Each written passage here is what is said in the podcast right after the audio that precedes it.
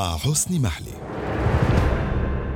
توج الرئيس أردوغان مساعيه للمصالحة مع الدول التي قال عن حكامها ما قاله خلال السنوات الماضية بلقائه المفاجئ مع الرئيس المصري عبد الفتاح السيسي وكان من ألد أعدائه لأنه أسقط مشروعه الإخواني بعد انقلاب تموز يوليو 2013 في مصر.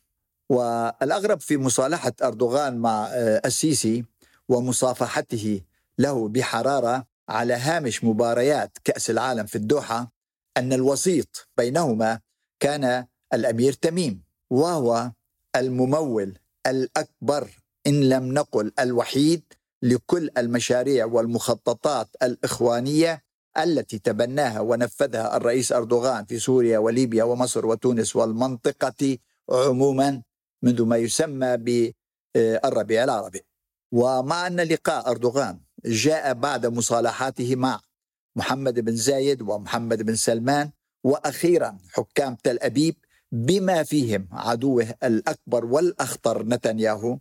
فالجانب الأهم في هذه المسرحية هو أن جميع هؤلاء الحكام بدورهم تصالحوا فيما بينهم وعلى الرغم من العداوات التي شهدتها علاقات بلدانهم بعضها بالبعض عندما قطعت السعودية والإمارات والبحرين ومصر علاقاتها مع قطر فأرسل أردوغان جيشه إليها لحماية آل ثاني. فالمصالحة بين محمد بن سلمان ومحمد بن زايد وتميم آل ثاني وعبد الفتاح السيسي بعد مصالحة الجميع مع الكيان الصهيوني كان عليها أن تحمل معها المفاجآت الجديدة التي تهدف لترسيخ التحالفات الجديدة وتفعيل أهداف هذه التحالفات وفق الظروف الإقليمية والدولية الجديدة. ويفسر كل ذلك اولا الأحداث التي تشهدها إيران في الوقت الذي تحمل فيه طهران كل من السعودية وإسرائيل ومن معها مسؤولية هذه الأحداث ويعرف الجميع أن الهدف منها هو إضعاف الدور الإيراني في المنطقة الممتدة من أفغانستان وباكستان وحتى معظم دول المنطقة ولكن أهمها سوريا ولبنان والعراق واليمن.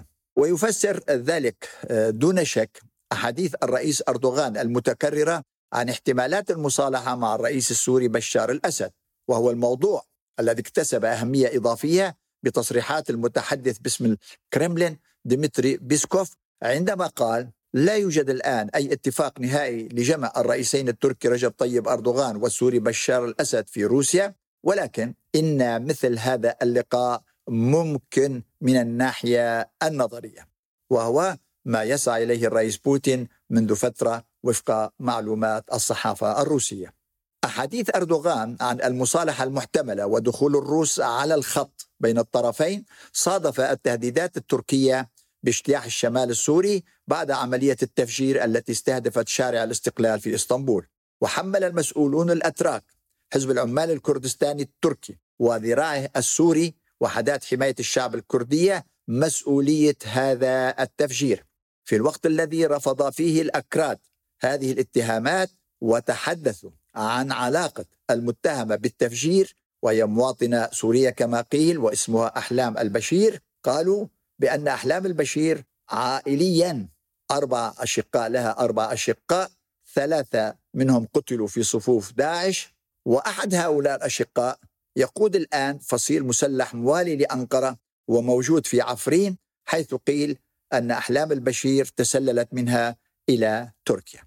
المعلومات تتحدث عن وساطات روسية وإماراتية بين دمشق وأنقرة للتوصل إلى صيغة مقبولة من الرئيس الأسد الذي يقال أنه رفض أي حوار مع أردوغان إلا بعد ضمانات أكيدة بالانسحاب الكامل من الأراضي السورية حيث يسيطر الجيش التركي مع المؤسسات والأجهزة التركية المختلفة على حوالي 10% من مساحة سوريا. كما يطالب الرئيس الأسد بوقف كافة أنواع الدعم الذي تقدمه أنقرة لكل الفصائل المسلحة التي تم جمعها في أكتوبر تشرين الأول 2019 تحت مظلة الجيش السوري الوطني الذي تم تشكيله في أنقرة. وهنا الغرابة. أن يسمى هذا الجيش بالجيش السوري الوطني ولكن يؤسس في عاصمة دولة أخرى. ويبقى الوضع في إدلب هو الأكثر تعقيدا بالنسبة للطرفين مع إصرار الطرف السوري بضرورة دخول الجيش السوري إلى المدينة وجوارها وهي الآن تحت احتلال مسلحي النصرة أي هيئة تحرير الشام. والفصائل الحليفة لها والتي والتي أرجو الانتباه هنا والتي سيطرت على مدينة عفرين بعد انسحاب الجيش التركي منها في أيلول سبتمبر الماضي وبشكل غامض. ويبدو واضحا من كل هذه المطالب السورية أن المصالحة بين الأسد وأردوغان وخلافا لمصالحاته مع السعودية والإمارات ومصر والكيان الصهيوني ليست سهلة طالما أن دمشق تحمل أردوغان. مسؤولية كل الأحداث التي عاشتها سوريا خلال السنوات الماضية منذ ما يسمى بالربيع العربي الدموي. وأما في الحالات الأخرى فليس هناك أي مشكلة بين أردوغان وحكام السعودية والإمارات والكيان الصهيوني بل وحتى مصر حيث هدد أردوغان هؤلاء الحكام وتوعدهم في أكثر من مناسبة مع التذكير أن هؤلاء الحكام لم يفعلوا أي شيء ضد تركيا. كما أن تركيا لم تفعل أي شيء ضد هذه الدول باستثناء مصر التي دعم أردوغان إخوانها بشتى الوسائل انطلاقا من مقولاته وسياساته الدينية والطائفية والتاريخية وأراد لها أردوغان أن تعيد له ذكريات السلطنة والخلافة العثمانية في المنطقة عموما ولكن بشكل خاص الجارة سوريا التي دخل منها السلطان سليم المنطقة بعد معركة مرج دابق في 24 آب أغسطس 1516 ومع كل ذلك فالرئيس الأسد لم يستهدف تركيا دولة وشعبا في أي من تصريحاته كما أن سوريا لم تقدم على أي عمل ضد تركيا.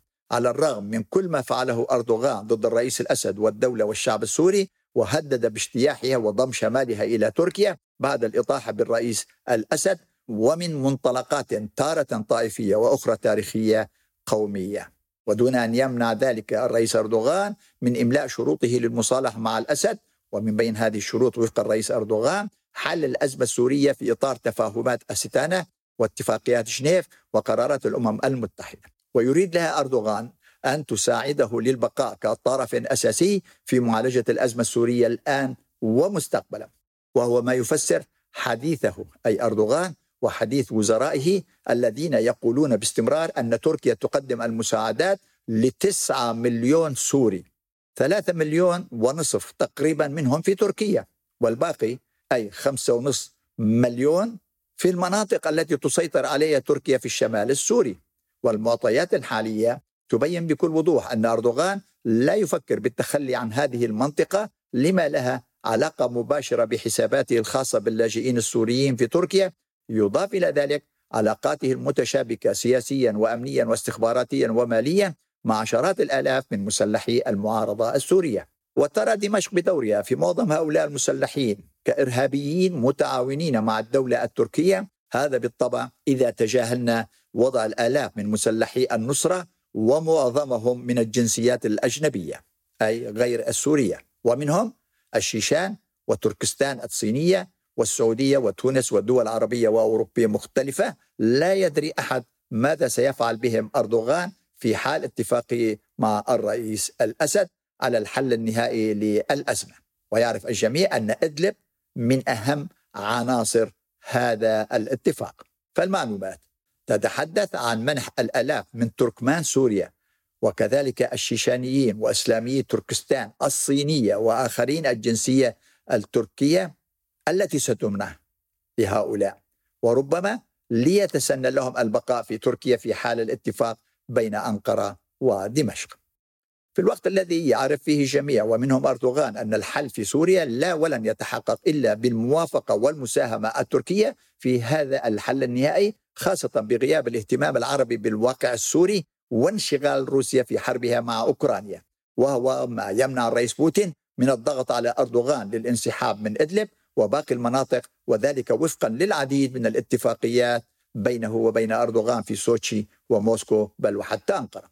وقد تدفع مثل هذه الحقيقة الرئيس أردوغان للمزيد من التعنت في موقفه تجاه دمشق وقاسمها المشترك مع أنقرة هو الوضع شرق الفرات حيث تسيطر الميليشيات الكردية على حوالي 20% من مساحة سوريا وذلك بدعم من واشنطن والعواصم الغربية بل وحتى تل أبيب.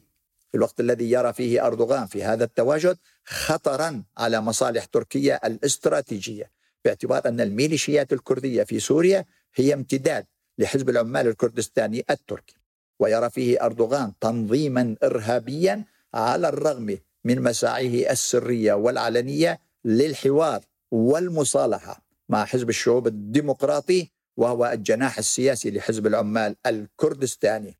وكل ذلك لمنعه أي لمنع حزب الشعوب الديمقراطي من التحالف مع أحزاب المعارضة في الانتخابات القادمة في مايو أيار القادم. وقد بات واضحا أن تركيا مقبلة قبل هذا التاريخ على سلسلة من التطورات المثيرة والمفاجآت الغريبة والعجيبة على الصعيدين الداخلي والخارجي وجميعها من أجل ضمان فوز أردوغان في هذه الانتخابات. ويعرف الجميع أن الأكراد أي حزب الشعوب الديمقراطي مفتاح كل معادلات المرحلة القادمة المعقدة. فيما يراهن الكثيرون على المزيد من هذا التعقيد أو بالعكس الانفراج وهو ما يعتمد بالدرجة الأساسية على مصالحة الرئيس أردوغان مع الرئيس الأسد أو بدون هذه المصالحة. وإلى اللقاء في مفاجأة جديدة من أرض الأناضول التي عودتنا على مثل هذه المفاجآت. طالما أن الرئيس أردوغان في السلطة وهو مستعد للقيام بكل شيء نعم بكل شيء للبقاء في هذه السلطة لأن سقوطه منها أي من السلطة سيعني الكثير والكثير ليس فقط بالنسبة لأردوغان بل لتركيا والمنطقة عموما. ولما لتركيا؟ من موقع جغرافي حساس بالنسبة للجميع وهو ما أثبتته أحداث أوكرانيا وقبل ذلك سنوات الربيع العربي الدموي بكل تفاصيله الدقيقة والمعقدة والخطيرة ويعرف الجميع أن الرئيس أردوغان كان لاعبها الرئيسي إن لم نقل الوحيد.